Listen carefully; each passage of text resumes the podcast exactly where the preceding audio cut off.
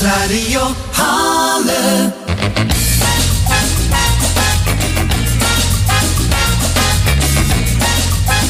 Terwijl de helft van Vlaanderen onderweg is naar het Sportpaleis in Antwerpen voor het afscheidsconcert van Wiltura, verzorgen wij voor de andere helft de laatste uitzending van het jaar. Wie niet bij dat optreden kan zijn, geen nood. Omstreeks kwart voor zeven zorgen we voor een kleine, maar bijzonder mooie troostprijs. We blikken de komende twee uur terug op de uitzendingen van de afgelopen maanden met een portret van Benny Michiels en eerwaarde Rick de Villet. En natuurlijk hebben we iets voor zes uur het weerpraatje met Karel. Dit is Totaal van Streek, aflevering 22. Welkom.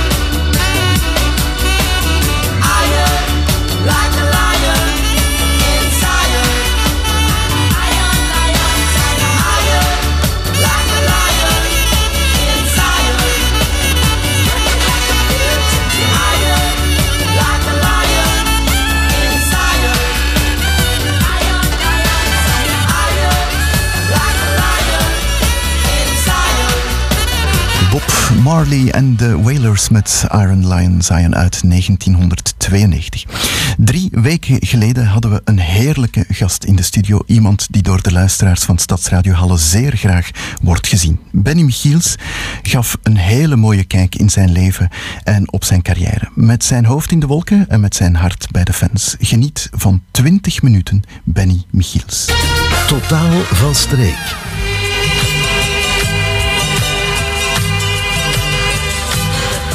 Schönes Mädchen aus Arcadia van Demis Roussos stond in de hitlijst van 8 december 1973. Dag Benny Michiels, goedenavond. Goedenavond Geert. Was je toen al met muziek bezig in 73? Ja, je bent van 65, 8 jaar. Zat het er toen al in? Blijkbaar wel, eh, als ik mijn ouders mag geloven. Hè.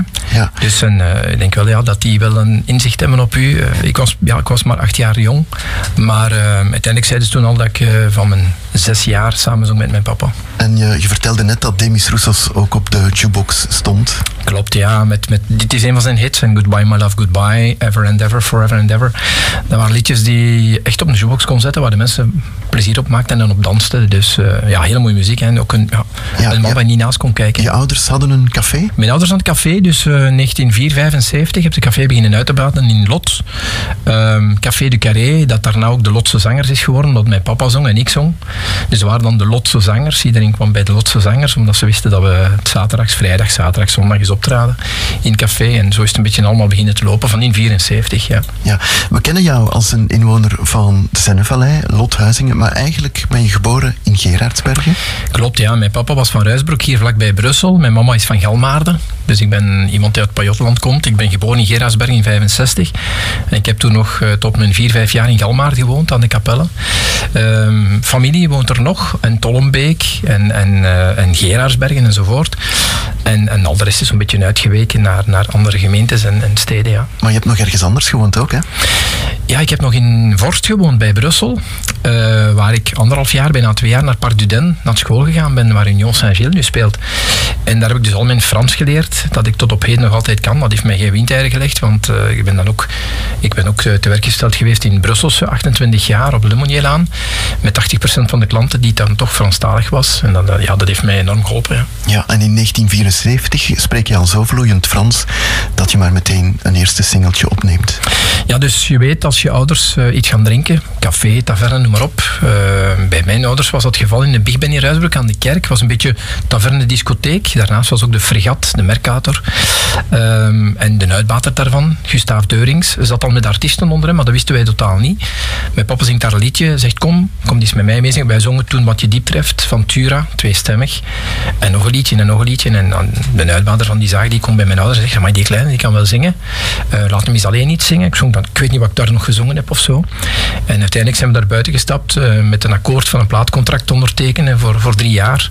Om eh, de eerste single uit te brengen. Kort daarbij, want dat was in de vakantieperiode. En, en in december was de eerste single al uitgemaakt. Ja. Ja, vertel er eens iets over. Het was een kerstliedje. Het was een kerstliedje. Ehm, ik was goed Franstalig. En ja, de, de producer dus, die, die, die uitbater, die, die al toen met, met Jean Vejan, met Jean Narcy, met Art Sullivan en noem maar op. Dus wel namen die in de showbiz toch al iets betekenen. Ook eh, Lady Butterfly in de tijd. En ik denk ook dat Thierry Blondel bij hem onder, onder zijn hoede zat. Danny Ranschutter uit Toetingen. En eh, hij stuurde mij dan ook naar Brussel om, om ja, bij, bij Jean Vejan dus. Dat was eh, iemand die een, stemcoach was. Om te zien hoe laag ik kon zingen, hoe hoog ik kon zingen. En daarop dus een nummer te schrijven. Een effectief nieuw nummer. die rond kerstmis ging draaien. Om bij hem in de zaak dus op te treden met kerstmis. En dat was het eerste singeltje in 74 aan Noël.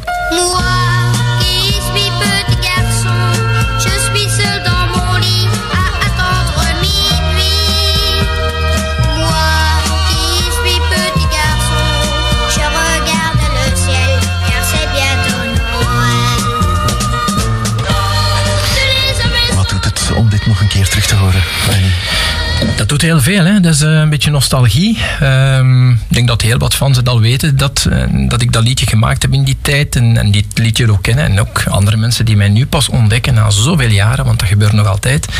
Dit nu misschien voor de eerste keer gehoord hebben, maar eh, ja, dat blijft nostalgie. Dat is ook de periode dat ik twee maanden optrad aan de kust, Francorchamps, Spa, Le Mans, op de grote parcours, eh, met Anneke Christie nog in een tijd, met, met Sommers. Met, ja, dat was voor mij de, de, de grote gebeurtenis van iemand ja, die niet beseft wat dat hem, wat dat hem allemaal meemaakt in die periode. Je schakelt dan ook echt wel over hè, naar het Vlaamse lied. Hè. Je gaat nummers coveren van de grote Wiltura. Ja, coveren. ehm, ik zing heel graag liedjes met een inhoud, liedjes met een, een verhaal. En als je dan gaat kiezen in liedjes, dan kom je heel vaak bij Tura terecht. Of, of, of ja, toch eh, de grootmeesters van, van de Vlaamse muziek. eh, waar een verhaal in verteld wordt. En ik vertel graag een verhaal. En ik zal nooit iemand proberen te imiteren, want dat bestaat niet. Er is maar één een Er is maar één eh, Sommers, er is maar één John Terra. Maar als ik zo'n liedje zing, probeer ik ze wel goed te zingen. Op mijn manier, maar wel goed te zingen. Ja. We gaan eens luisteren hoe dat klinkt.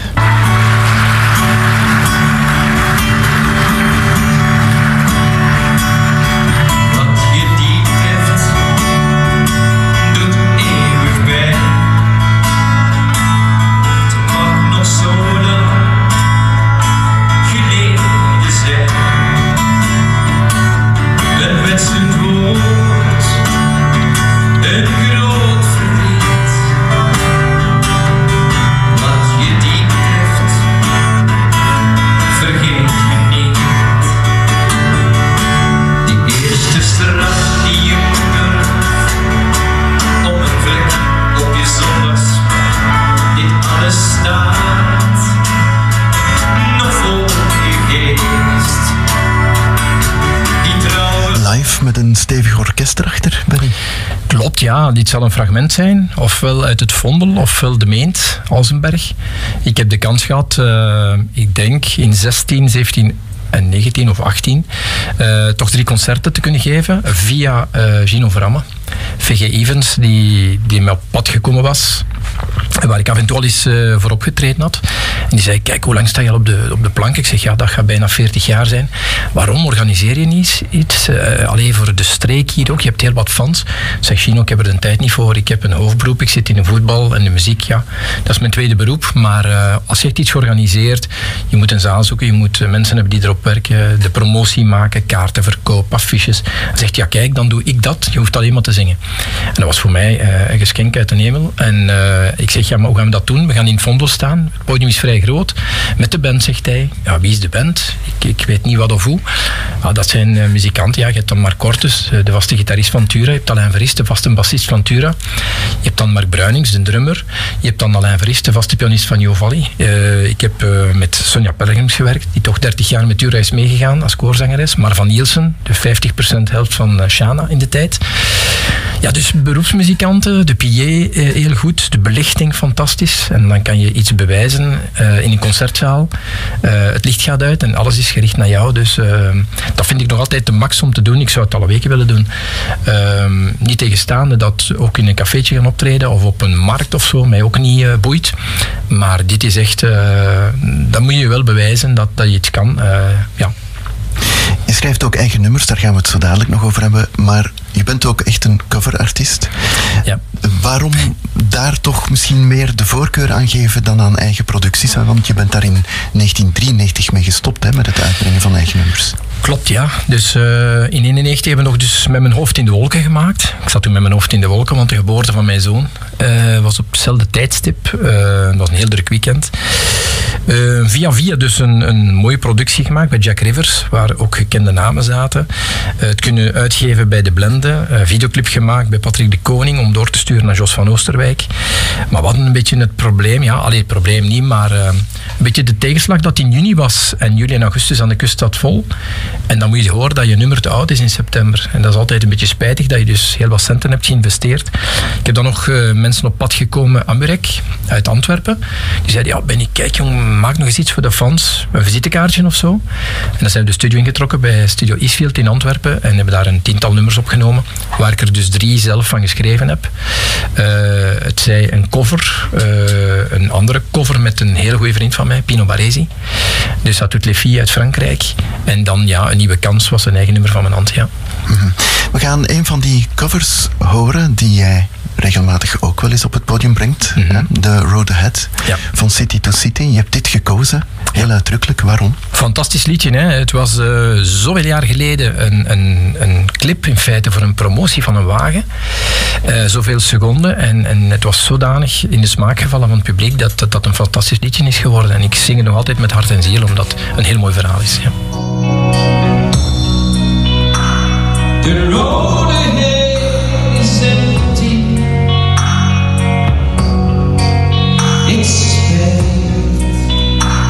with of the unknown.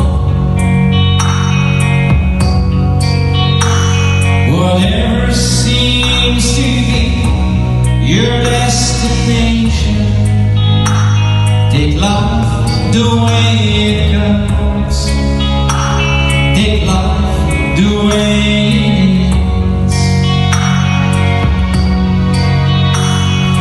We moeten een beetje tijd eh, vrijmaken voor Benny zelf natuurlijk. Hè? Ook voor jouw eigen nummers, Benny, hè? want die zijn er dus ook geweest. Ja. Met hier en daar toch een top 10 hit, denk ik. Een Vlaamse top 10 hit. Misschien met het, het volgende fragmentje, het volgende nummer. Goodbye, my love. Goodbye, my love. Ik laat je vrij. Ik laat je vrij, je nieuwe liefde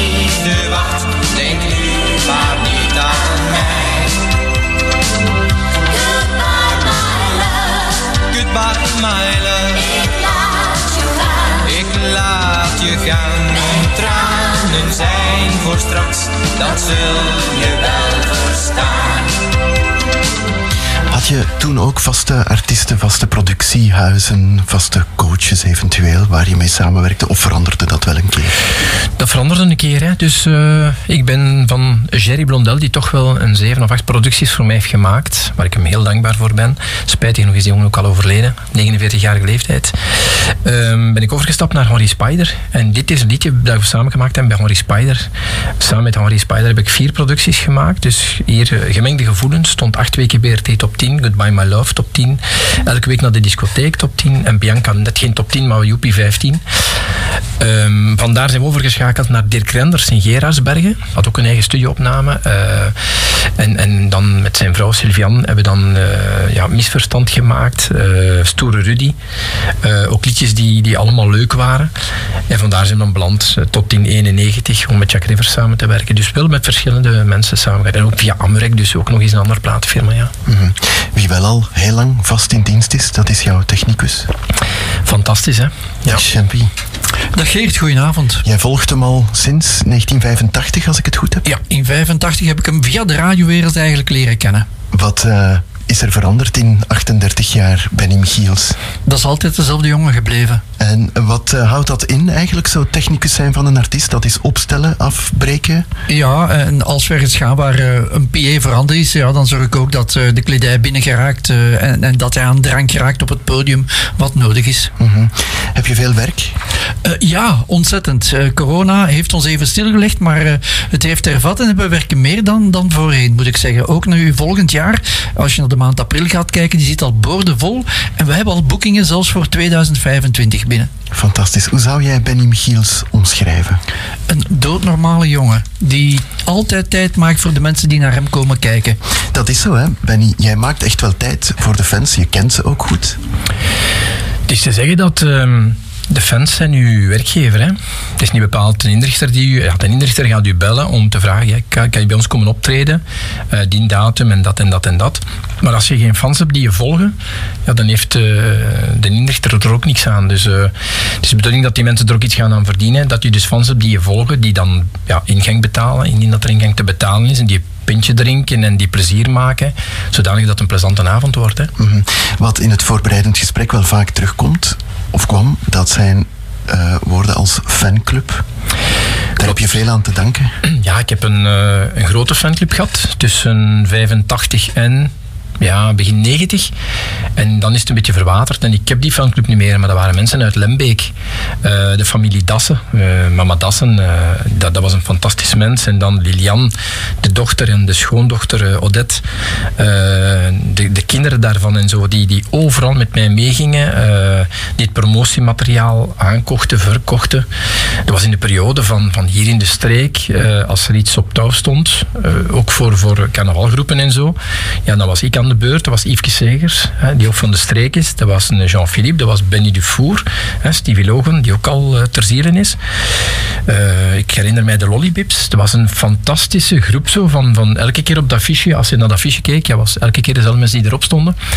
En ja, dan, dan had iedereen ook zijn fanclub mee. En, en het was ook zo dat ik altijd aan mijn fans gezegd heb, als ik op de bühne sta, dan zing je mee, dan klap je mee, maar doe dat ook met de andere mensen. Ik, ik heb het ook niet graag dat, dat het anders, zou zijn met, met andere fanclubs. Dus iedereen doet zijn best op het podium en, en werkt met iedereen mee. Dat is ook mijn, mijn, eh, mijn doelstelling daarvan. Je hebt nog een nummer gekozen. Klopt, Dat is ja. ook bijzonder betekenisvol voor jou. Ja, dus ehm, I Just Called To Say I Love You, dat is een, een beetje een anekdote aan. Ik ben in 1985 in het leger gegaan, in Duitsland. En ik had toen juist ja, mijn vriendin leren kennen, waar ik ook nu al 35 jaar gelukkig mee ben getrouwd. Ehm, en uiteindelijk ja, wist ik dat ze altijd bij ons in het cafeetje zat, eh, bij mijn ouders. En toen, ik belde elke dag naar huis. Dus elke dag moest ik mijn vrouw gehoord hebben. En toen ik belde, ja, toen speelde mijn papa het liedje van I Just Called To Say I Love You. En dat is altijd bijgebleven. Dat is ook mijn openingsdans geweest met huwelijk. Dus eh, daarom die song, ja.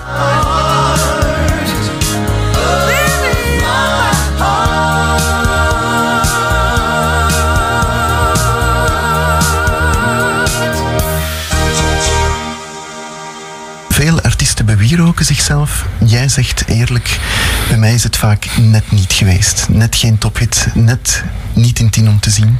Ja. Dat is heel nobel om dat toe te geven. Doet dat pijn? Nee, eh, ja, ja, je bent een beetje ontgoocheld omdat je altijd denkt als je iets gemaakt hebt dat het het van het is. En je moet daar ook 100% achter staan. Bijvoorbeeld het liedje van Met mijn hoofd in de wolken, denk ik toch wel dat dat een hele goede productie is. Een goede platenfirma die het uitbrengt. Je hebt dan een videoclip die klaar staat om te tonen, kijk, zo zou ik het brengen op 10 om te zien, enzovoort, enzovoort. En dan is het net niet. Dan ben je wel een beetje ontgoocheld, maar je moet die daarover zetten. Wat ik dan wel gezegd heb, kijk, nu, nu, nu ga ik niet zo iemand niet meer zijn die impulsief is en nog eens zeggen, ik ga weer iets nieuws opnemen. Eh, ik ga beginnen te zingen wat ik graag zing. En daar is dan ja, de grote sprong gekomen naar al die covers in feite. Hè. Je hebt ook geen social media. Dat is een bewuste keuze. Ja, ik heb de telefoon gaat geregeld. Eh, ze kunnen mij bereiken via WhatsApp, ze kunnen mij een e-mail sturen enzovoort enzovoort. Ik denk moest ik eh, Facebook en, en Instagram en zo hebben dat ik niet kan volgen. Maar je hebt sinds eh, kort wel een website. Klopt, ja. Dus de persoon die recht over mij staat, Ron, die had mij al enkele keren over aangesproken en zo. Ik zeg waarom niet? Dan kunnen de fans toch wel eens gaan kijken waar ik de komende weken ga optreden of komende maanden. En is niet al tot de last minute zo. Of die hebben vergeten te verwittigen en die zal ontgoocheld zijn. Want eh, het was vlak bij huis of het was in de buurt. En eh, is niet kunnen komen doordat hij niet wist dat, dat, we, dat we optraden. Dus dat gaan we dus wel eh, op touw zetten. Ja, en een beetje foto's en een beetje ja, wat er de gebeurtenissen en zo. Hè. Ja. Ja, dat kunnen we nu nog even vragen aan Champy, hè, wat de komende optredens en plannen zijn. Ja, nu zondag eh, zitten we op de kerstshow van een ander radiostation waar ik ook eh, werkzaam ben in Haaltert. In het jeugdcentrum eh, De Kouter in Haaltert is dat. Ehm, volgende week zaterdag dan zitten we op de kerstmarkt in Buizingen in start 65. En dan op 19 december, dit jaar dus nog, zitten we in het woonzorgcentrum De Zilverlinde in de Meander. En daar is ook iedereen welkom. Jij wou nog even ehm, de betekenis van Ronnie en Champy toelichten. Zeker. ehm, het zit zo dat de mensen heel vaak zeggen, ja, zie je de Benny, zie je de Jampy. En nu zal het ook zijn, zie je de Benny, zie je de Jampy en de Ronnie. Maar eh, ja, eerst en vooral, ja, 40 jaar iemand die je volgt. En eh, ik wil dat toch eens aanhalen, dat dat iemand is die dat vrijblijvend doet. Hè. Ehm, dat is fantastisch voor mij, om, omdat als je zo iemand niet hebt, ja, dan, dan kan je, je kunt niet achter je knopjes zelf gaan staan en je liedje klaarzetten. Dus hij is voor mij, ja, dat is eh, de man die je nodig hebt. Ik, maar dit, dit, dit gebeurt allemaal vrijblijvend. Ronnie die gaat al weken mee met mij, ook nu. We hebben bepaalde baskassen bijgekocht en als we dan buiten komen met, met, met eigen PA, ja, dan moet vervoerd worden. En ik heb, ik heb niet een al te grote wagen, want Ronnie zegt, "Maar ik ga die bij mij binnensteken. Hè. Dus ja, dat is op zijn eigen zo eh, een vriendenkring geworden. Bij Jumpy al, al 40 jaar. En eh, ja, ik zeg chapeau hè, als je dat doet, vrijblijvend. Dus, eh, en, en Ronnie nu ook, dat is een heel groot pluspunt voor mij. Hè. Dus dat mag ook altijd eens aangehaald worden. Mhm. Ja, Nog even het adres van de website. Ik gok op bennymichiels.be. klopt, helemaal. Benny, heel fijn dat je hier was. Dankjewel voor het interview en nog alle succes toegewenst. Bedankt aan u Geert en bedankt vooral voor de professionele samenwerking en eh, de, de voorbereiding van dit interview. Heel weinig meegemaakt. Dank u wel, goedenavond.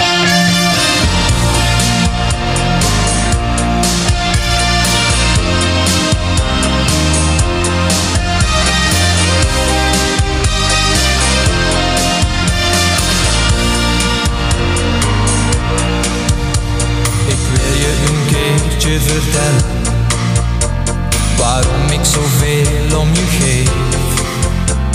En dat ik je s'avonds moet bellen Je zeggen wat ik je niet schreef. Ik leef enkel van mijn gevoelens En die draaien steeds om jou. Geloof me maar vrij Als ik zeg dat ik van je hou met mijn hoofd in de wolken.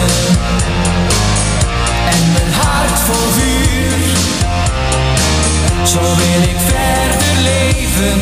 Jou alles geven. Van uur tot uur. Met mijn hoofd in de wolken. Zo zweef ik naar je toe om jouw hart te stelen, liefde te delen, dat is wat ik doe.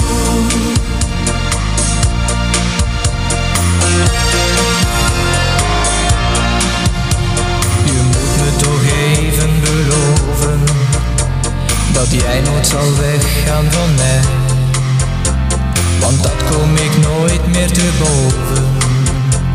Geluk is voor ons allebei.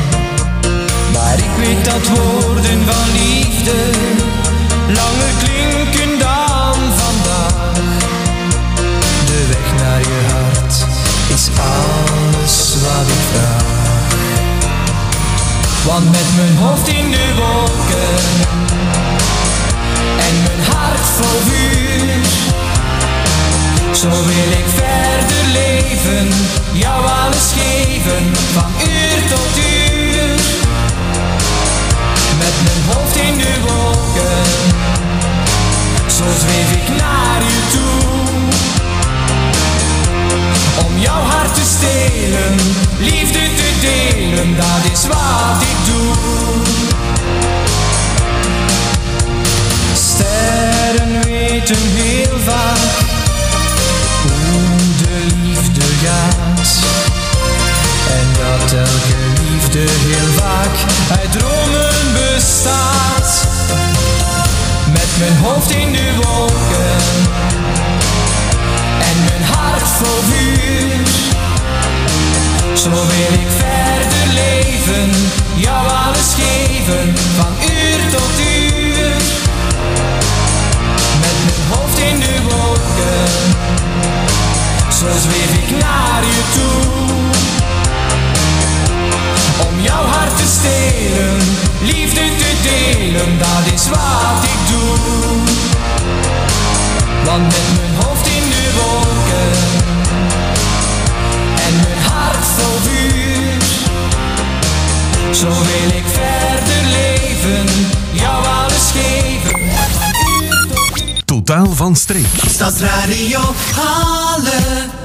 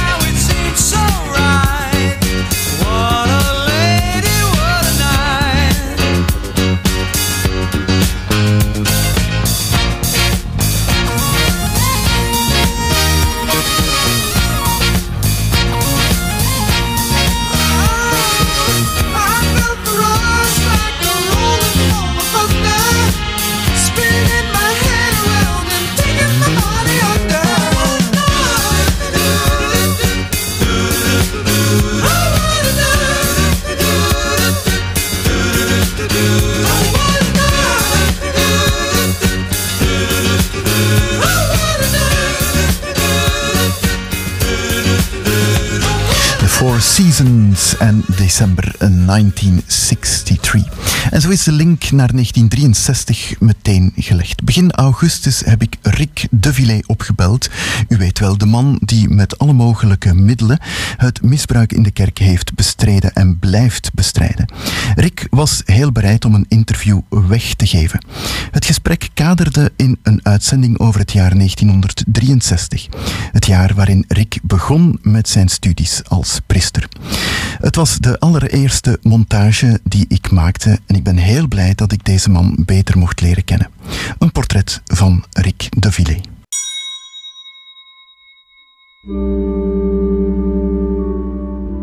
Rick Duvillé, ik ben in Alle geboren. Dat is al van 1944 geleden. En eh, ondertussen heb ik het grootste deel van mijn leven doorgebracht in Halle. eh, meestal als priester. En nu ben ik al vanaf 2009 gepensioneerd. Soms vragen de mensen mij nog, moet ik tegen u eerwaarde zeggen? En eh, dat is al eh, meer dan uh, 50 jaar geleden dat ik gezegd heb, nee, dat is niet nodig. Ik ben gewoon Rick. Ja, dat was zoiets diep van binnen bij mij. Ik kan dat nog altijd niet onder woorden brengen, dat ik dacht, ja, een mens leeft ene keer en dat leven moet heel zinvol zijn. En uh, ja, mijn leven ademde ook kerk, religie, evangelie. Ik was ook misdienaar. Uh, ik wou dat absoluut proberen.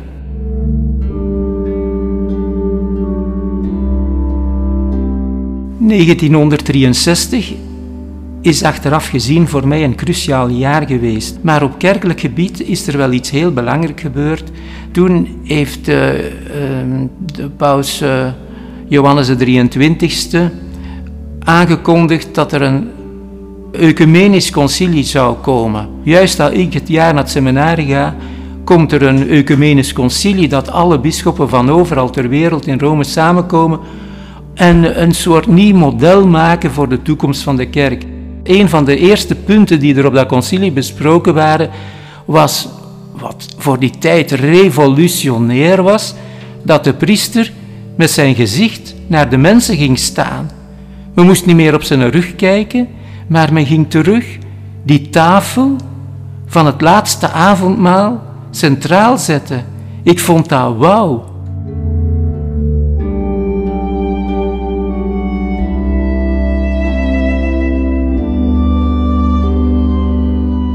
En dat je in de kerk in je gewone mensentaal met elkaar kon praten, communiceren. En dat de priester gewoon die mis in het Nederlands kon doen.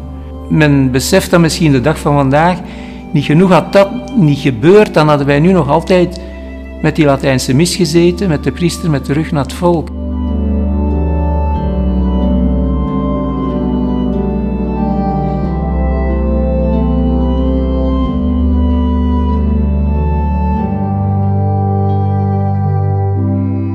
Don Bosco Buizingen is in 1963 een parochiekerk geworden, zodat er vanaf dan in Buizingen twee parochies zijn.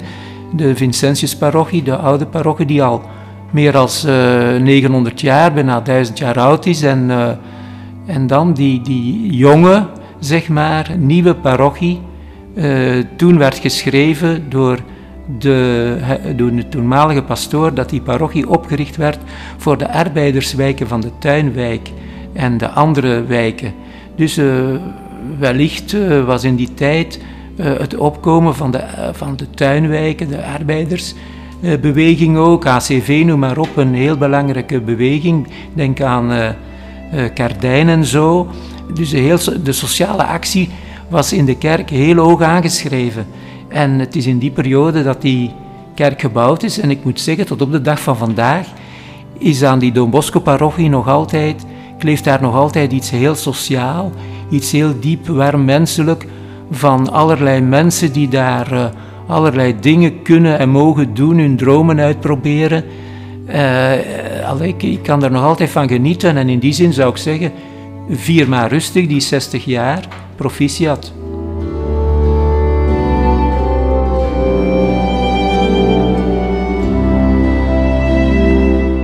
Heel wat mensen vroegen mij in die tijd, uh, wat houdt u bezig als priester?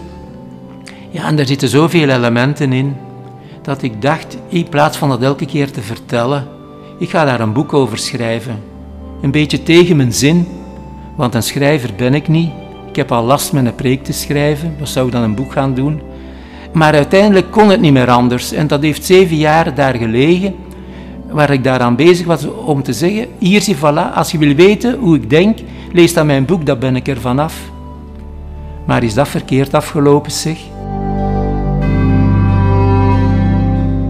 Dat boek had als titel, dat eerste boek, eh, ik herinner mij nog altijd, september 92, de, eh, de laatste dictatuur. Natuurlijk, de, de titel sloeg een beetje in als een bom. En ook de kardinaal had verboden uh, van dat boek uh, uit te geven, maar hij had dat een beetje te laat verboden, zodat het al in de, in de boekhandel lag. Dus dat kon, dat kon niet meer uh, verboden worden. Ja, ik heb daarna nog vele keren moeten uitleggen. En niet alleen in parochiezalen en zo, of bij Davidsfonds hier en daar, maar ook bij de bisschop zelf.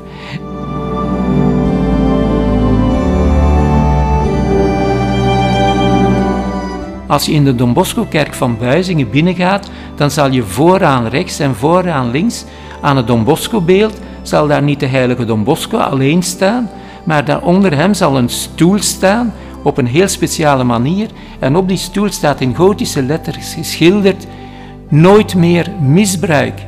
Die stoel die daar staat is een effectieve stoel die een slachtoffer nog herkend heeft en heeft kunnen meepakken op een moment van het misbruik. Dus dat is een, dat is een getuige, die stoel, dat is een, een document.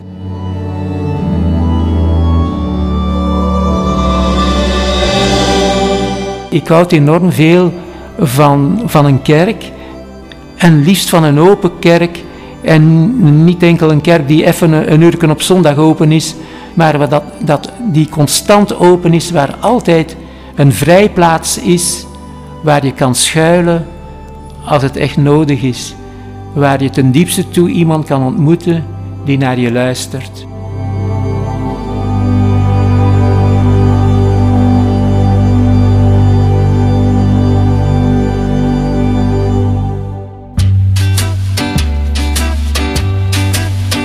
Ik geloof dat God de Vader weer op reis is, dat hij denkt dat het bij ons een paradijs is dat Sint-Pieter zit te kaarten.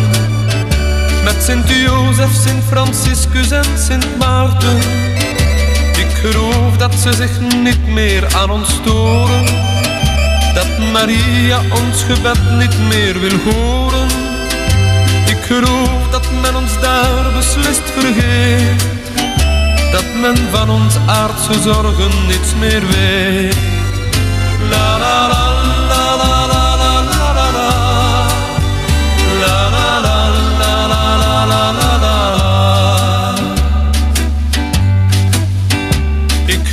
dat zij het mensenras vergeten. Dat het uit is met de rijstpap te gaan eten. Ik geloof dat zij zich niet om ons ontfermen. Dat ze niets meer doen om ons nog te beschermen.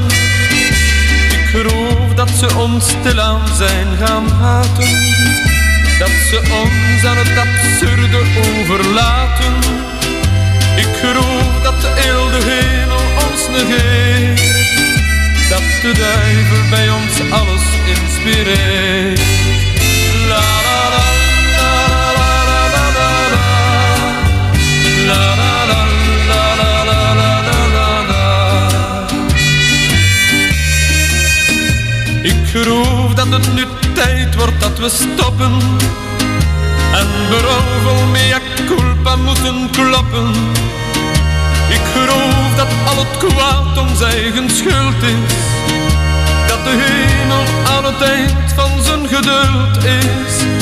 Ik geloof dat blank aan zwarte hand moet geven. En dat oost en west in vriendschap moeten leven. Ik geloof dat God de Vader van ons houdt. Maar dat wij nu boeten door ons eigen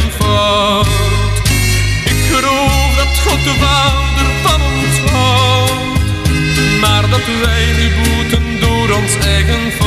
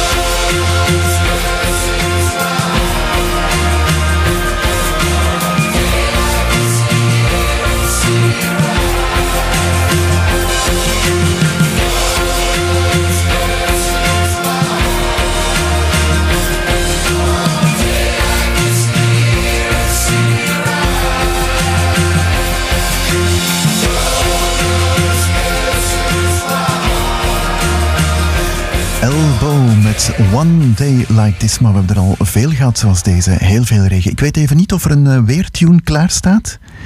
Nee, geen weertune. Dan gaan we meteen naar de weerman. Dag Karel. Goedenavond, Geert. Ja, weer zo'n dag zoals uh, 13 in een dozijn. Hè. Regen, regen. Er is hier al wat uitgevallen in Halle de laatste uren. Ja, en er is weer veel op komst. Dus uh, van hetzelfde laken een pak, zeggen ze dan. Hè. Ongelooflijk. En, uh, mag ik opnieuw beginnen met die straalstroom, Geert? Ja, zeker. Die is heel sterk, die is heel sterk. Maar weet je wat dat is? Als die straalstroom ja, zo op zijn toppunt is een aantal weken, wil dat wel zeggen dat er een hele grote scheiding is bijvoorbeeld tussen de koude lucht in Scandinavië en de warmere lucht boven de Middellandse Zee. Dus dat is dan wel opvallend. Door die strakke, goede straalstroom is er een mooie verdeling. Dus het is echt, echt serieus winter in Scandinavië, met alles erop en eraan, min 15 en kouder. En dan op het Middellandse Zeegebied, daar is het heel rustig weer. Uh, en nog een 10, 15 graden zo langs de stranden. Dus dat is een heel groot verschil. En wij zitten in die mallenmolen met, met veel wind en veel beweging en veel wolken. Hè. Mhm. Ja, ja. Dus nu, ook... we, nu we toch over het weer in Europa bezig zijn, ook in het oosten van Europa, Moskou en dergelijke, daar is het ook koud, hè? Daar is het ook heel koud, ja, ja, ja. Minder naar Oekraïne toe, maar meer inderdaad, uh, Sint-Petersburg en zo, daar is het echt... Uh, daar, wordt, daar is het koud en wordt het nog veel kouder. En die kou trekt dan in de loop van volgende week ook uh, meer richting het zuiden van Scandinavië en zo. Dus inderdaad een, grote, een, grote, een groot verschil met Zuid-Europa, ja. ja. -hmm.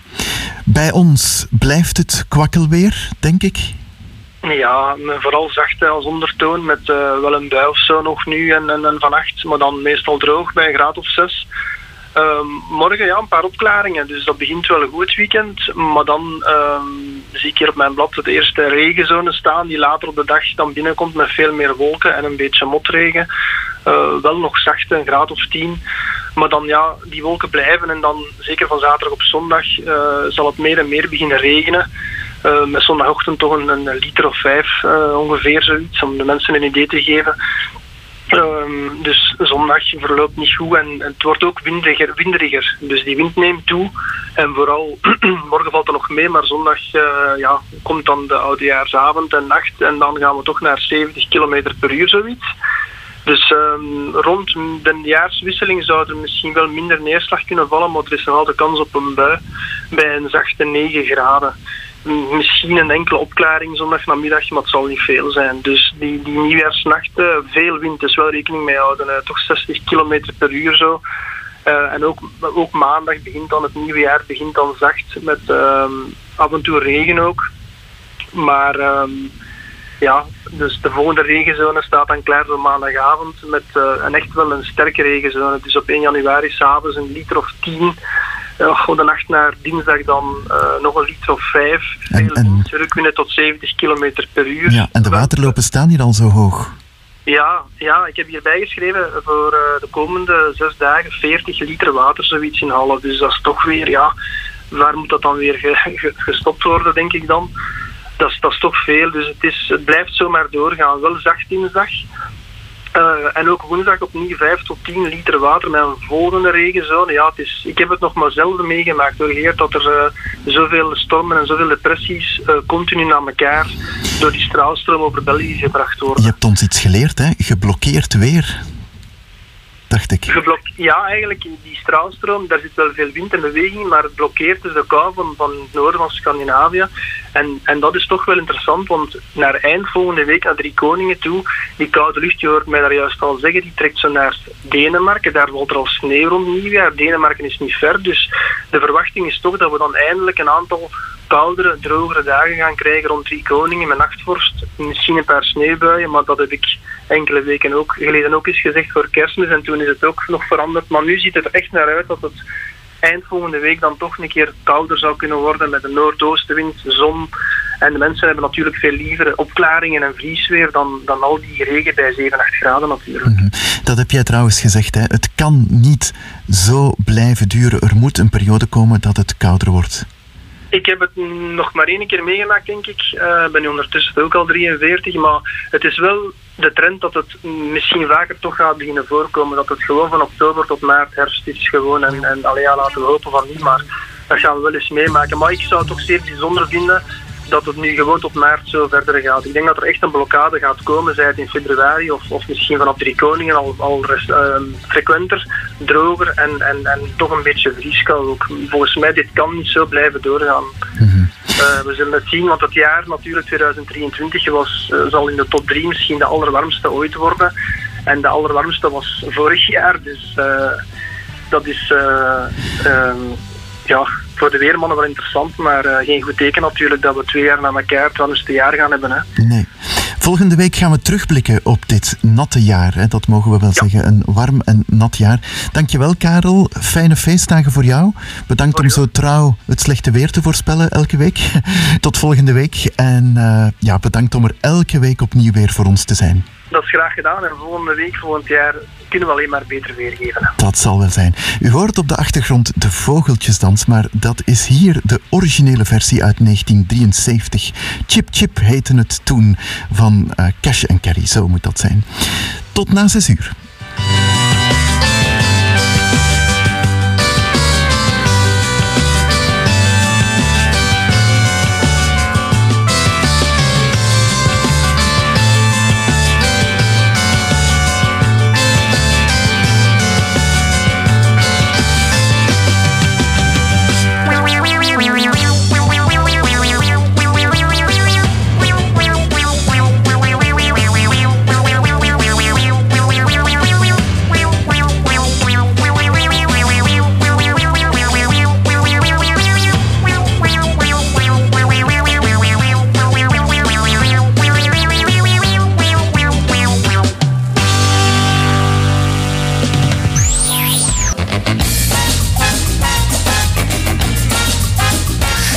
Koken op aangemak, 70 jaar pure liefde en een cadeautje voor de fans van Wiltura. Dat zijn de ingrediënten voor het tweede uur van Totaal van Streek. Goedenavond.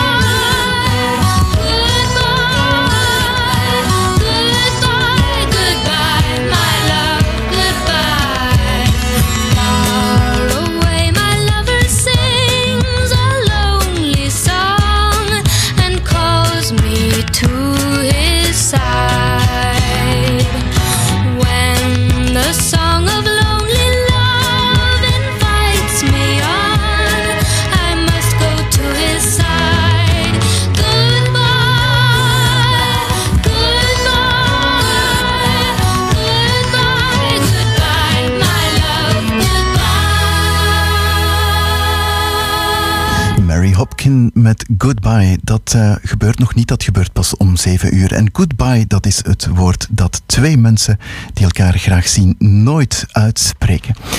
Nu komt de meest liefdevolle reportage er trouwens aan. 70 jaar van pure liefde tussen François en Marie-Thérèse.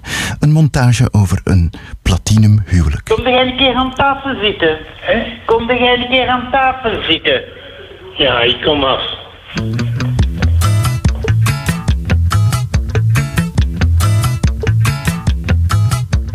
Wij hebben een schoon jeugd gehad. En eh, ja, we hebben ook een stukje van de oorlog meegemaakt. Hè? Maar wij zelf hebben daar zo niet onder geleden. Want eh, papa die zorgde altijd dat we goed eten hadden. Het is te zeggen, een konijn werd verdeeld. Voor als we met vijf kinderen en papa, papa en mama en, en met grootmoeder, dan werd dat konijn verdeeld die nacht. Papa kreeg het grootste stuk. En zo ging dat, kleiner, kleiner, kleiner. Hoe dat de konijn kan verdeeld worden, hè. ja, nee, wij hebben geen honger geleden. We hebben een schoon jeugd gehad. Ik ging niet graag naar school. En eh, ik ben thuisgebleven na mijn 14 jaar. Bij ons thuis was een wasserij, maar een grote wasserij met werkvolk. En wij, van, vanaf we jong waren, zijn daar gaan helpen. En we zijn ben blijven werken in de wasserij totdat we getrouwd zijn.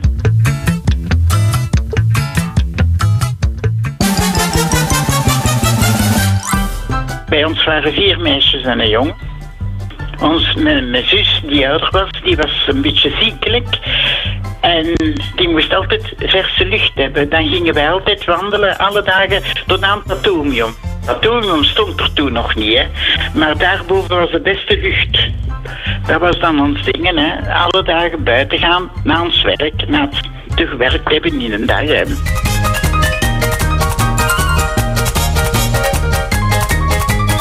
We waren bij de Scouts en al.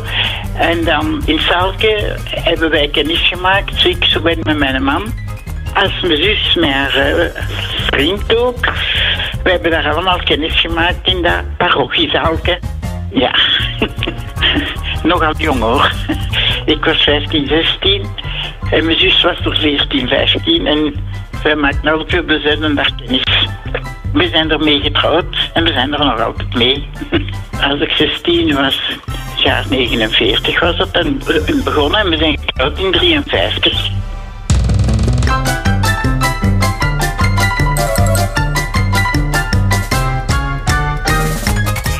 Echt gekomen zijn heb ik tegen haar gezegd, heb ik u.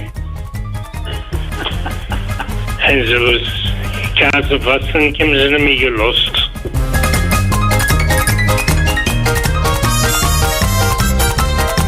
Ja, verkering was dat niet, hè.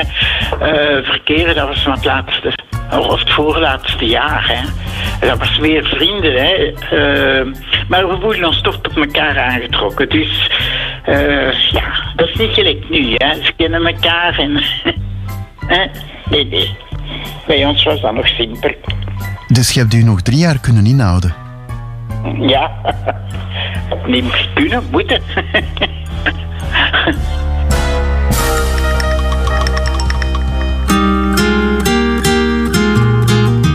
We hadden ons eerste kindje in eh, 55. We zijn getrouwd in 53 en 55, maar dan hadden we drie kinderen op dan. Eén in 55, één in 56, één in 57, één in 59 en één in 61. En dat waren eerst vier meisjes en dan een jongen.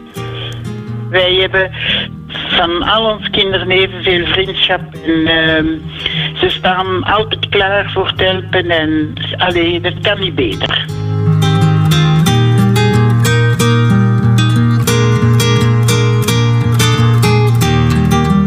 We hebben nu juist ons 70 jaar gevierd. Hè. En ons Mieke, de tweede, had een brief geschreven voor ons. Ga een keer zeggen, wat een ongelooflijke feestdag is dit. Vandaag vieren we niet zomaar een jubileum, maar wel het 70 jaar huwelijk van Marie-Thérèse en François. Christen en Frans. Mama en papa, Bobon en Bompa, ofwel Bobonneken en Bompa. 70 jaar, dat is in bijna drie kwart eeuw van liefde, toewijding, compromissen en van een ongelooflijke veerkracht die dat dit koppeltje al die jaren heeft getoond. Laten we even teruggaan in de tijd, naar 53, het jaar waarin onze feestvarkentjes zijn getrouwd. De wereld was anders, de muziek was anders, de auto's waren anders, maar één ding is hetzelfde gebleven en dat is hun liefde voor elkaar.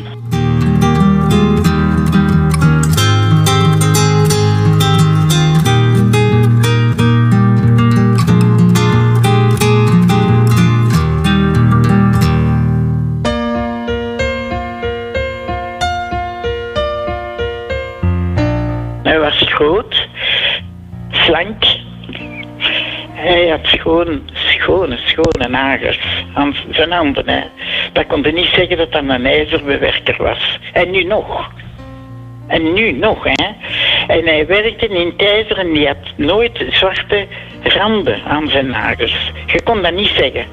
Ik heb nooit begrepen dat een... Enfin, ik was verliefd op zijn nagels.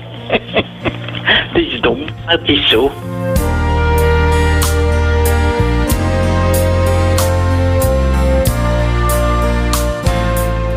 Als ik zijn nagels knip, dan nog zeg ik altijd, jij toch schoon nagels, hè. Ja. En ik, ik zei ook altijd, ik hoop dat onze kinderen zijn nagels gaan hebben. En dat is geen een van de vijf die zijn nagels heeft. Geen één, hè. Ja. Maar ze hebben wel veel van hem, hè. Ja. Als ze onze zoon zien, dan zien ze aan hem, hè. Zo dat men onze zoon op hem trekt, hè. En ook, een, ook nog een van de kinderen die op hem trekt. En de, de ander die trekt op mij, hè. Ja, een beetje een gekluts, hè.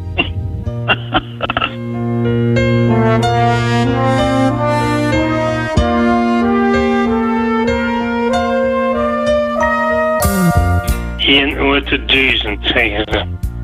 Omdat ze ten eerste eh, altijd gedienstig is en dat ze heel goed kan koken. En de lieden van de man gaan langs de magen.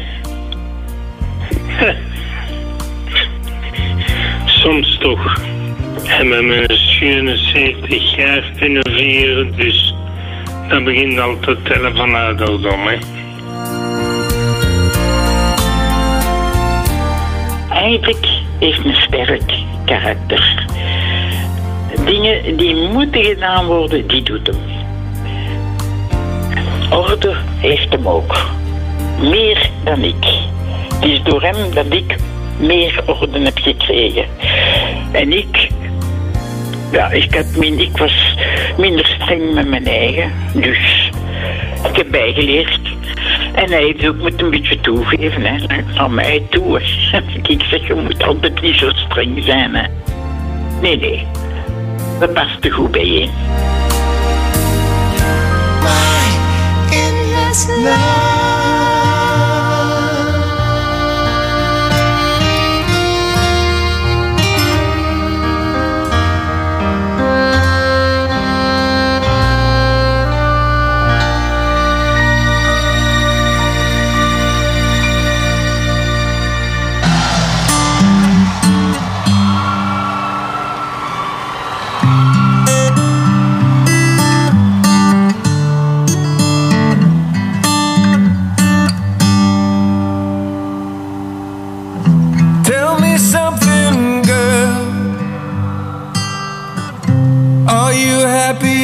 This modern world? Or do you need more? Is there something else you're searching for? I'm falling. In all the good times, I find myself longing for change. And in the bad times, I fear myself.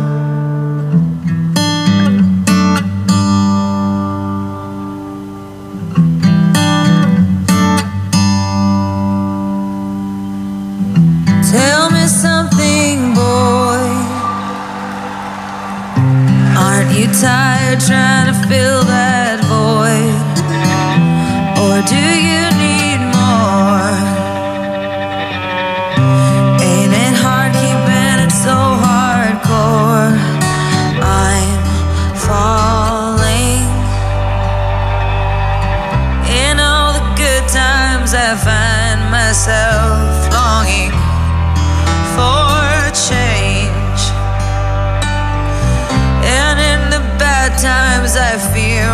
myself.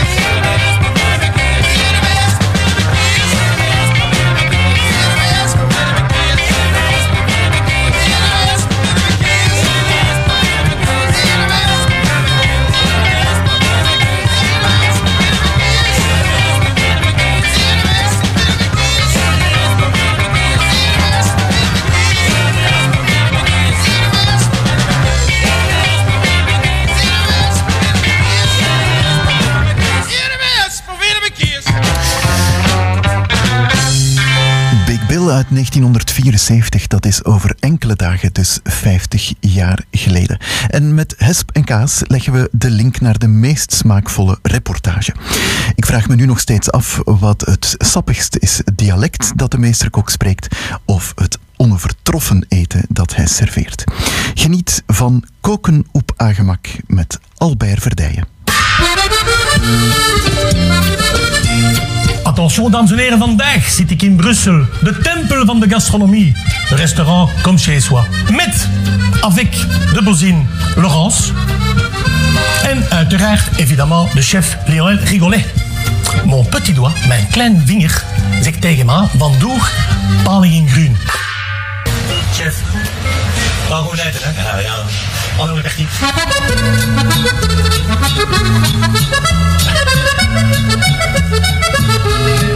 Albert Verdijen, goedenavond. Goedenavond, ja, Wat, goedenavond. wat was het meest sappige, je dialect of het gerecht, de paling? Eh, ja, nee, nee, de paling, je moet, dat is een heel grote specialiteit in België. Ik denk dat je kunt alleen maar in België eten trouwens, want eh, ik heb soms een evenement gedaan met, met Franse chefs en eh, die kennen dat totaal niet.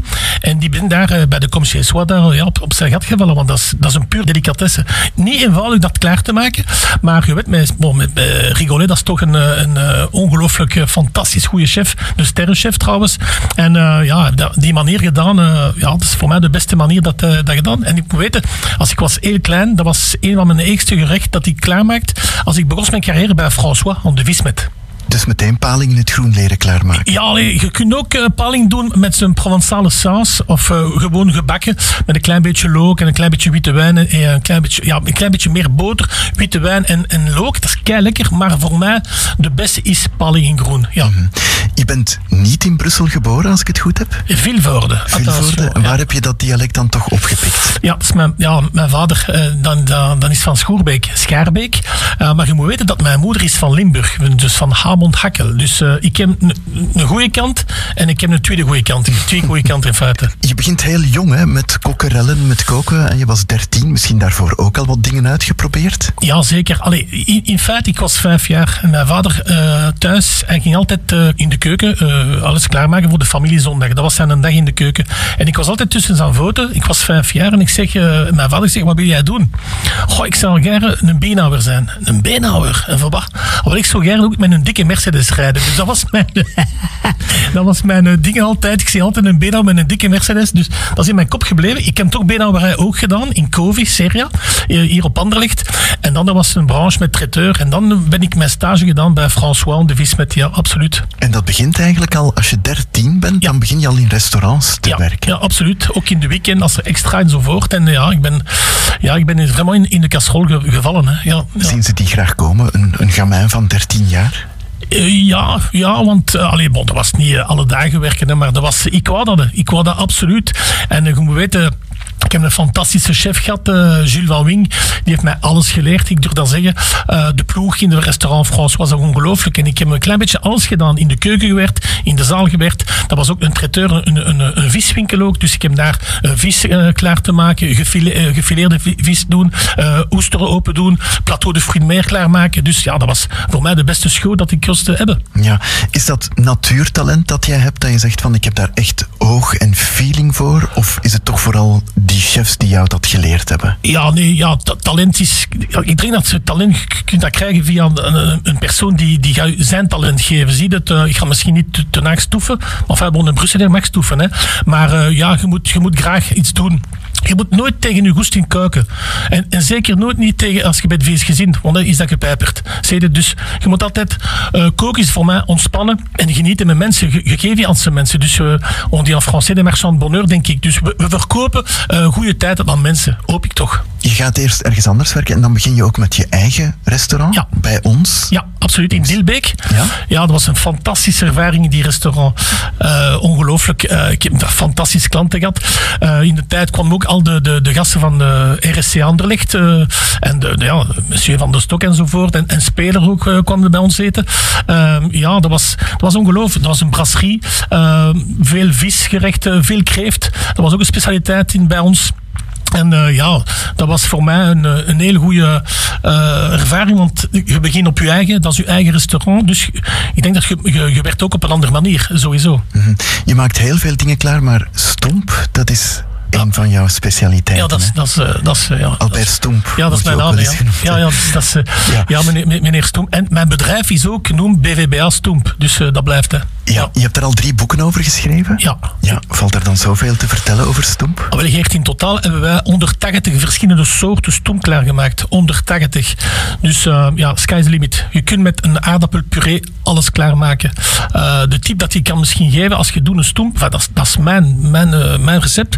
Dat is aardappel eh, in water, apart. En dan moet je je groenten snijden en dan bakken, wokken, blussen met bouillon of met room, eh, en zeker met boter. En dan daarna je groenten in je aardappelpuree toevoegen. Eh, dat is voor want soms het, het kooktijd van je aardappelen is niet hetzelfde van je groenten, zie je het? Dus en dan, ja, sky's the limit. Ik heb hem zo een keer gedaan, dat was fantastisch. Enfin, denk ik toch. Een, een Italiaanse stoemp. Dus Italiaanse stoemp is aardappelpuree met olijfolie, mascarpone, mozzarella, parmaham, tomaten, basilicum. Ja. Ja, dat is... Ik, ik krijg een vraag van een luisteraar en die vraagt wat zijn nu de geschikte aardappelen om stomp te maken? hè? Want er zijn er zoveel. Ja, zijn er, allee, alleen maar in België, je moet weten, er zijn ongeveer 80 verschillende soorten aardappelen. Dus in feite, je kunt een aardappelpuree maken met uiteraard een bintje. Dat is voor mij de beste aardappel dat, dat je kunt doen. Maar je kunt andere aardappelen toevoegen in je puree.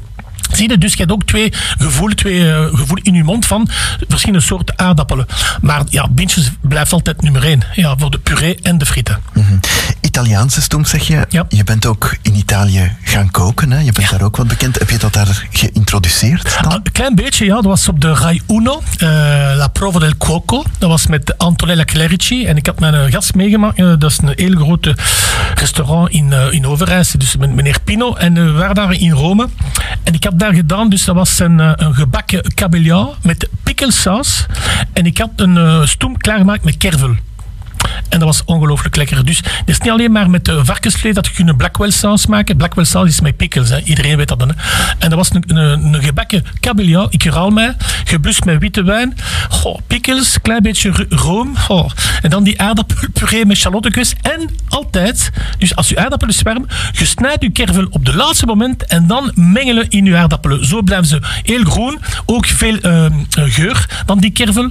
En dat is, ja, is ongelooflijk fris. En Antonella Clerici heeft gezegd, ja, ik ken dat niet. Wat drink je nu bij een stomp? Oh, dat is een goede vraag. Ehm, ja, ik, uiteraard een goede pintje, dat kan ik ook eh, durven drinken. Maar dat is een heel goede vraag. Want stoem, dat gaat met vis. Stoem, dat gaat met vlees. En stoem, dat gaat met gevogelde. Wat ik zeggen, de mensen denken altijd, als je eet vis, moet je altijd witte wijn drinken. Ik ga nog iets geven. Als de vis is gebakken en de saus apart, kun je ook een rode wijn drinken. Oké? Als de vis is gepocheerd met saus, maar ook met een stoemp, gepocheerd met saus, dan misschien een witte wijn. Je hebt kalfvlees of de gevogelde, kei lekker ook met witte wijn. Niet altijd verplicht rode wijn te drinken, zie je het? En ja, je hebt ook het, wi- het wilseizoen, dat is misschien een klein beetje moeilijker, eh, maar dan blijf je op een rode wijn. Ehm, en ja, rode wijn zijn er meer dan genoeg. Je hebt ook kei lekker, ongelooflijk Belgische wijn nu voor het moment in ons land, in onze fantastische gastronomieland. Ja, dan is ehm, alles mag, ja. Alles. En ook, eh, ik heb al, ook al gegeten, alleen maar met champagne ook, hè. dat is ook heel plezant. Hè? Ja. Je hebt eh, heel veel ervaring, hè? Heel veel, van heel veel markten thuis ben jij. Op televisie onder andere, VTM natuurlijk. Hè, hoe heb je dat zelf ervaren, die kookprogramma's? Mensen leren koken? Ja, eh, televisie. ehm, ik, ik, ik ga iets zeggen. Televisie is begonnen in feite eerst in, in Frankrijk. Dus ik heb vijf jaar, bijna vijf jaar in Parijs gewoond. En ik heb daar ook gewerkt eh, in restaurants en ook voor de Franse televisie. En ook op eh, radio, Europe 1, in een tijd. En ja, koken, ehm, televisie. Ik, heb al, ik was heel klein met mijn vader. Het was elke zondag op de Franse televisie. Dat was met eh, Raymond Oliver. Heel bekende eh, persoon in de jaren 80 in Frankrijk. En ik had ook gezegd, dat ik graag een keer doen. koken voor de televisie. Dus ja, je, moet, je, moet, je, moet, je moet passie hebben. Je moet respect hebben van de mensen. Je moet re- respect ook met, hebben van, met, met je groenten. Ik zeg altijd, als je respecteert het product, het product zal je respecteren. Zo, zo, zo, simpel is het. Mhm, Niet alleen tv, maar ook Tour de France en. Ja, ja eh, tien jaar ongeveer. Met eh, Lotto, met eh, Quickstep. eh, ook soms eh, een, een jaar ook mee met de Rabobank. Ja, ongelooflijk ervaring. Eh, fantastische mensen. Iedereen van de ploeg, eh, de renners, eh, de directeurs en al enzovoort. Voor mij was dat alle dagen in een andere hotel of in een ander restaurant werken. Dat was niet altijd eenvoudig. Maar de samenwerking met, eh, met al die restaurants en chefs zal altijd voor mij in mijn, in mijn hoofd blijven en, en in, mijn, in, mijn, in mijn net, in mijn hart. Dus eh, ik heb ook veel geleerd. Ik leer alle dagen. Ehm, en ja, ik had zo'n souvenir met Cad Evans, met, eh, met Lance Armstrong, met Philippe Gilbert, eh, Mario Aerts of Ario zeggen ze ook soms. dat was ook fantastisch voor het. Maar ja, niet alleen maar, eh, dat was ook rondom Frankrijk, Parijs-Nice, Dauphiné Libéré. Nu is het moment van de, de winterkampen, dus die gaan trainen nu in, in Spanje. In de buurt van Calpe, Denia, eh Gavea enzovoort. Dus eh, ja, fantastisch. En dat is heel veel pasta, waarschijnlijk, veel proteïne. Ah, wel nee. nee. De mensen denken altijd dat je eet alle dagen pasta. Nee, sowieso niet. Uh, S'morgens is heel belangrijk. Uh, als ik kan een tip geven aan, aan de amateurs. Uh, je moet nooit, nooit, nooit een jus d'orange drinken. Dan de sinaasappel. Want dat blijft, uh, dat gaat een trap in je maag. En dat is niet goed. Dat, dat gaat niet in je hoofd. Dus je, uh, en je kunt van dat een klein beetje allee, hebben. Ja. Dus veel... Um, ja, veel groenten, uh, veel tonijn, uh, paardenvlees soms. Uh, ja, dat is, en pasta misschien één keer per week of twee keer per week. Veel linzen, dinges, witte beunen. Enfin, van alles, die, die, die gedroogde producten, hè. ongelooflijk. Oh. En rap koken, hè. olijfolie, tak tak, alleen retour. Dat is even niet. Oh. Oh mama, wie... Lange Jojo, ook typisch Brussels. Toevallig ooit ontmoet? Zeiden ze tegen me. Ja, ja, uh, ik ken hem heel goed. Ik had, uh, hij woont in vlakbij Dilbeek, dus hij kwam soms bij, bij ons eten. Uh, ja, zijn, ja, dus dat een toffe gast. Heel toffe gast. Hè. Vraiment een simpele... Een Brusselaar. ja, zo simpel is ja. Waar haal jij de inspiratie om te koken? Hè? Jij staat op en dan moet jij beslissen, vandaag ga ik dit maken of dat maken. Ja, dus, ja niet altijd, maar ik heb veel chance. Ik heb veel met mijn fournisseurs, dus met mijn beenhouwer, uh, viswinkel of uh, leverancier. Uh, ik ga nog altijd soms één keer per week om rond vier uur, vijf uur s'nachts ga ik naar de markt in Brussel. Um, en ik zie daar mijn collega's en we spreken een beetje van alles en zeker van niks. maar ook ja, de nieuwe producten komen eraan. Hoe doe je dat? Dus inspiratie komt sowieso. En soms de mensen vragen mij iets te doen, een menu. Dus ja, dan kan ik moeten een klein beetje met een plaat trekken. Maar dat is, dat is boeiend. Dat vind ik heel leuk. -hmm. En je kijkt ook naar collega's, Jeroen Meus bijvoorbeeld? Ja, ja, Jeroen Meus. En trouwens, ja, ik heb, ik heb nog meer gewerkt met, lang met, met Piet Huizentruid. Uh, ik, zie, ik, vind, die, die, gasten, die carrière is ongelooflijk. Uh, dat is ook een goede maat. We gaan soms samen gaan eten. Te weinig samen, trouwens, maar ik vind dat keigoed wat hij doet. Eh, je, kunt je weet, iedereen heeft zijn, eh, zijn lievelingschef eh, als je televisie kijkt. Ehm, ik weet dat Jeroen Meus, veel mensen die, die zien die graag, maar soms kunnen ook tegen mij zeggen, ja, maar die gebruikt misschien te veel zout of peper. Ja, dat zijn keuken, dat zijn, dat zijn een stijl. Dus ehm, dat blijft, dat blijft eh, zijn, zijn stijl en, en ik respecteer dat. Als ik mag alleen maar een tip geven, als je, als je gebruikt kant-en-klaar producten, wat wil je dat zeggen? Bouillon, visbouillon, eh, kippenbouillon, vleesbouillon of een kant-en-klaar tomatensaus, dan moet je oppassen met zout. Want daar is daar zout daarin en zout is een bewaarmiddel. Dus daar moet je toch een beetje oppassen. Mhm, niet te veel zout is. Wat, wat is het ingrediënt dat jij gebruikt als je ook maar kan? Dat je zegt van dat is echt het ingrediënt waar je mijn gerechten aan kan herkennen. Ik, ik ga ook iets zeggen. Ik gebruik altijd, eh, bijvoorbeeld als je gaat een steak eh, bakken uh, of een goede entrecote. Ik ben zot van uh, muskaatnoot. Niet alleen maar zout en peper, maar een klein beetje muskaatnoot op je vlees. En terug, dat is altijd de vraag: moeten wij eerst de vlees kruiden en dan daarna bakken? Of moeten wij dan omgekeerd doen? Ik ga misschien een, een tip geven. De vlees eerst moet kamertemperatuur zijn en dan daarna dus je voert al zout en peper en een klein beetje muskaatnoot in je boter. Oké? De bovenkant van uw vlees ook kruiden. En de kant van uw vlees die is niet gekruid, op uw warme uh, boter die begint te zingen, zo uit, plat, plat erop. Dan de vlees is nog niet uh, gesloten, dus dan van die chaud-froid. En dan zout en peper, kom van beneden en van boven. En dan moet daarna uw vlees niet, niet meer erkruiden. En ik vind muskaat, dat is mijn lievelingskruid. Uh, en uh, ja, mijn lievelingsgroente is witleuf. Ik zweer dat, ik kan dat uitfretten, witleuf. Met alles, hè. Oh, dat is uniek. En ja, en of anders, ja, ik ben ook zot van soep. Um, een goede, een uh, grijze garnalen bisque. Uh, dat is ook goedkoper als kreeft. Uh, enfin, wat. Um, maar ja, daar ben ik zot van. Soep, veel soep, ja. ja. Hoe blijf je op de hoogte van de nieuwste culinaire trends? Want dat verandert waarschijnlijk. Je bent al lang in het vak. Ja, ik, ik, ben een gewone chef. ik weet dat die, die, die chefs van die sterrenchefs, die, zijn, ja, op, die zijn op een andere wereld. Dus ik kan misschien nog niet altijd dat volgen. Ik, ik respecteer dat. Maar ik heb terug veel chance. Ik, ik ben er veel met, met, met die chefs ook in die sterrestaurant. Want we doen ook samen evenementen soms. Dan ik, ja, zeker, ik leer dan met die chefs ongelooflijk. Maar ja, geven, maar de basis van de keuken zal altijd blijven. Dus um, en ik, en ik herhaal mij, ik heb ongelooflijk veel chance. Ik ben nu 56 jaar, ik ben al 40 jaar bezig en ik, uh, ik heb altijd chance, want ik ga overal in de restaurant, overal waar ik ga binnen, ik mag overal in de keuken goeiedag zeggen. En we, we spreken wel wat, ja, keuken hè. Niet altijd, ik zal misschien niet alles zeggen, maar toch veel keuken. Mm -hmm. Beroepskok altijd op gas? Uh, ik heb nog altijd mijn nostalgie gas, maar uh, inductieplaten zijn heel goed.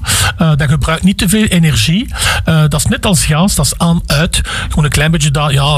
maar als je koopt zo'n inductieplaat in, ik weet niet hoeveel verschillende winkels, kookwinkels, enfin, keukenwinkels trouwens, sorry.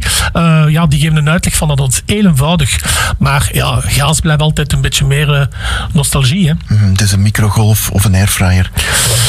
microgolf kun je ook gebruiken, maar dan moet je altijd geen plastic folie op je uh, schotel zetten. Je hebt zo'n specifieke deksel dat je kunt gebruiken voor de microgolf, want die plastic dat is nooit niet goed. Eén ding, bijvoorbeeld je doet een chocomousse, nooit je chocolade laten smelten in een microgolf. Je hebt zo'n vel daarop, dat klein beetje ver, verbrande smaak. Dat is voor dat, on a le bain-marie. Dat is de beste manier voor je chocolade laten smelten. -hmm. Je kookt op zicht en op gevoel, of is er iets van de twee die primeert? Ja, uh, gevoel. Ja, ja, gevoel. Ik, mijn vrouw heeft altijd gezegd, ja, je kunt heel rap koken. Uh, in vijf minuten kan ik iets klaarmaken. En dat is, dat is heel eenvoudig. Maar ik, ik luister graag uh, als ik kook. Die geluid, als je zelf je begint te snijden, je begint te bakken. En die geluid van al die, die je pakt een pan en je doet een sabayon bijvoorbeeld. Tiggeding, tiggeding, tiggeding. Ik vind dat, ik vind, dat is ook inspiratie. Dus je, je kunt dat zo... ik, ja, ik ben er zot van. Ja. Ik kook alle dagen, hè. Op gevoel, dat moet je zeker al gedaan hebben, want je hebt eens gekookt met uh, blinde mensen in de Brailiga. Ongelooflijke ervaring. Dat ja. was in Brussel, ja. Uh, Waren dat uh, blinde vinken dat je toen gemaakt hebt? ah, wel, ik ga iets zeggen, hè. dat is ongelooflijk, want ik, we waren buiten, naast de, de La Porte de Al, de Allepoort, en dus ogen toe, met de dingen, hè, en dat is precies dat de volume van je, je, oor beter. Dat is ongelooflijk. En dan het gevoel, dus alleen maar boter nemen, in een pan zetten en dan aan, aansteken, dat is, dat al, al eten. En die madame, ik was met een madame, die, blind, eh, ik zal die madame nooit eh, vergeten, eh, Jacqueline, die heeft mij getoond hoe moet je scampis ontpellen en de darmkanaal eruit doen. En dat ging vlot, hè. Ik was op mijn gat gevallen. Ik zei, dat kan niet zijn, hè. En ja, dat is een ongelooflijke ervaring. We hebben eh, een uur aan een stuk gedaan. Ik was, ik was kapot. Ik was, ik zeg, oei, wat- dus ik was, dat, dat- ik, ik vond dat ongelooflijk. Eind jaar komt er stilaan aan, dat is een drukke periode voor jou. Wat zijn de trends, wat zijn de gerechten die vaak op tafel zullen komen? Dat blijft altijd hetzelfde. Eh, dat is goed. En, en ja, eh, gerookte zalm, oesters, eh, kreeft en foie gras enzovoort enzovoort. Maar je kunt dat een klein beetje misschien vervangen met, met iets anders. Bijvoorbeeld als je hebt een, een, een faisan brabançon, je kunt dat vervangen met een pareloen. Pareloen is een ongelooflijk eh, gevogelde product. Je kunt ook doen met witloof. Hè. Ehm, ja, een bisje, een kreeftbisje. Misschien kun je ook mixen met een klein beetje meer van die crustacee. Koop scampis, langoustine. Je kunt dat ook vragen aan je viswinkel. Doe maar een klein beetje eh, koppen van, van, eh, van, van langoustine, van kreeft enzovoort. Je kunt dat voor een heel goede prijs kopen. En je doet met dan een, een, een. Ja, gerookte zalm, ook kei lekker. Je kunt ook gevullen met een klein beetje salaat. Of met heel, heel rauw en een kort gebakken witloof met kruisgarnalen. En je doet zo'n roulade. Dat is ongelooflijk lekker. En een klein beetje romsaus, een klein beetje citroen. En dat is origineel en niet, niet te duur. Mhm, Ja, budget is belangrijk, hè? Budget is, ja, tegen wie zeg het. Maar eh, ja, je, moet, je, je weet, je, je- je kunt iets kopen. eh, dat is net als een restaurant. Als je hebt slecht gegeten, alles kost te veel geld. Zie je het? Dus als je gebruikt die, die ingrediënten op de, de slechte manier, ja, dan, dat gaat niet. Dat gaat niet. Mhm. En wat staat er de komende dagen op het programma? Eh, volgend jaar veel reizen. Ik sta hier in Creta, eh, Italië. Ook om te koken? Ja, om te koken, ja. Ik ga daar koken met een madame. Eh, die, die, die madame doet ook daar kookprogramma in Creta. Ja, dat is ongelooflijk. Ik bedoel, dat, ik blijf daar een week of twee weken.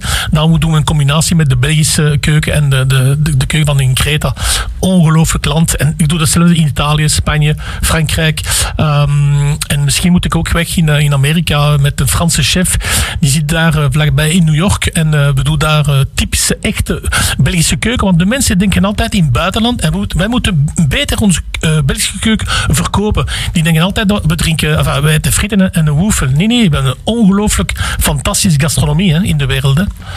Albert Verdijen, fantastisch dat je dat eh, allemaal hebt verteld. En het belangrijkste, als je kookt, doet je het. Op eigen.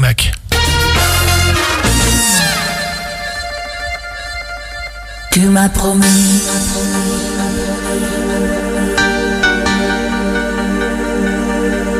Et je t'ai cru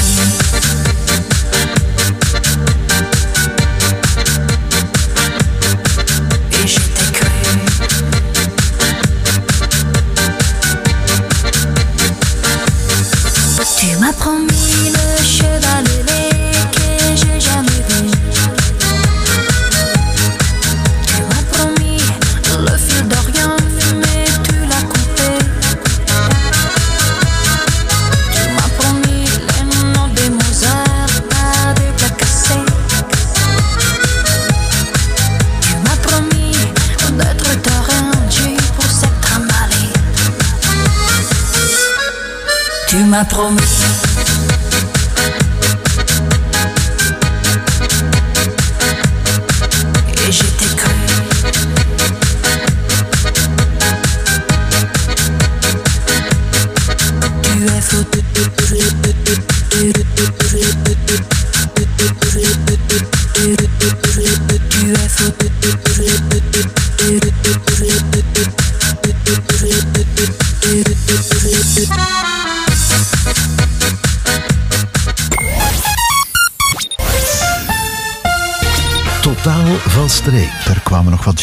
Ze zijn aan het eind gekomen van Totaal van Streek, aflevering 22.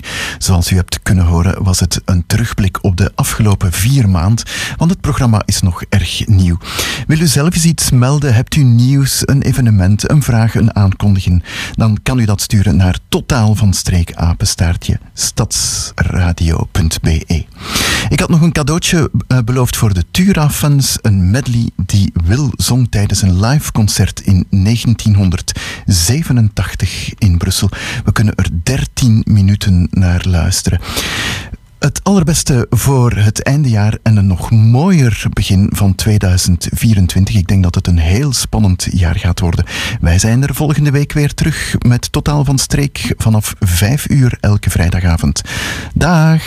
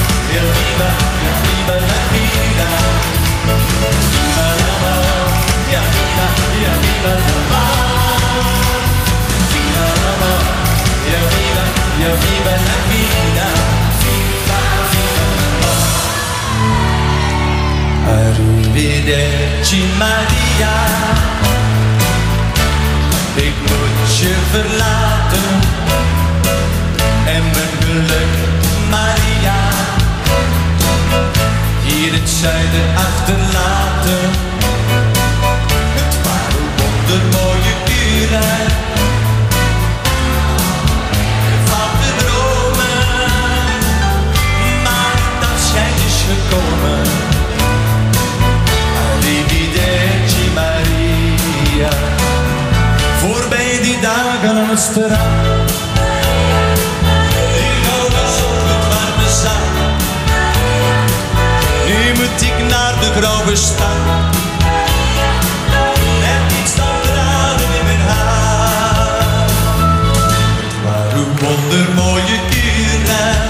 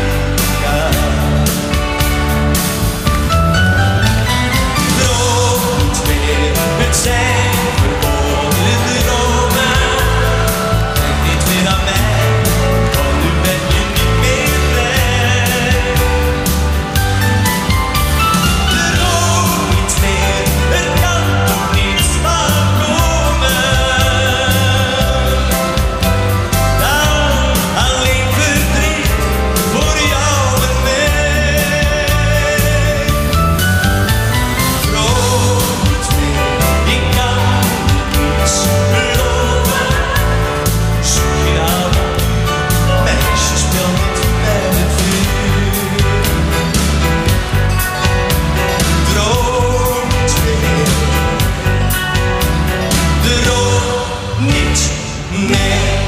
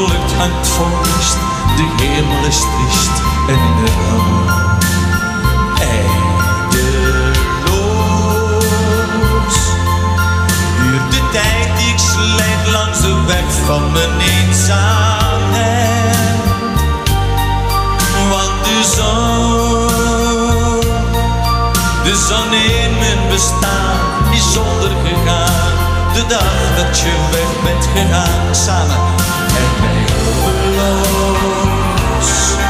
achter achterleven.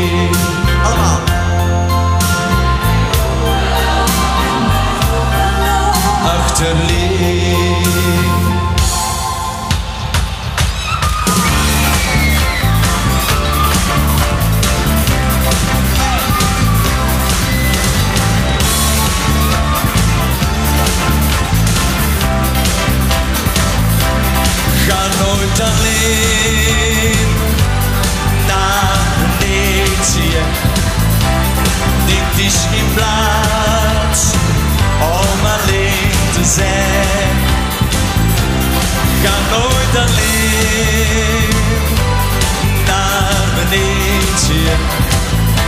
Het valt beter mee met z'n tweeën. Allemaal zingen, ja? Ga nog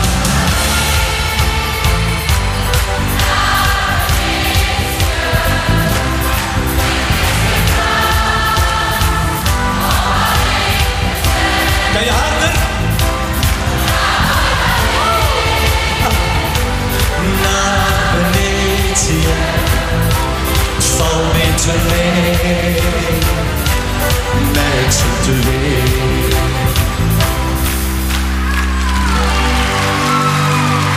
Waarom loop ik toch zo graag met de zeewind in mijn haar?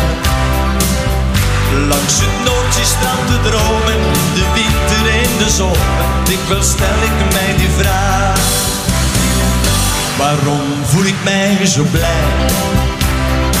Steeds zo veilig en zo vrij.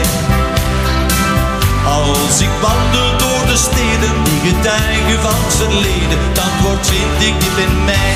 Omdat ik Vlaming ben, omdat ik Vlaming ben, en ik mijn land bemeer. live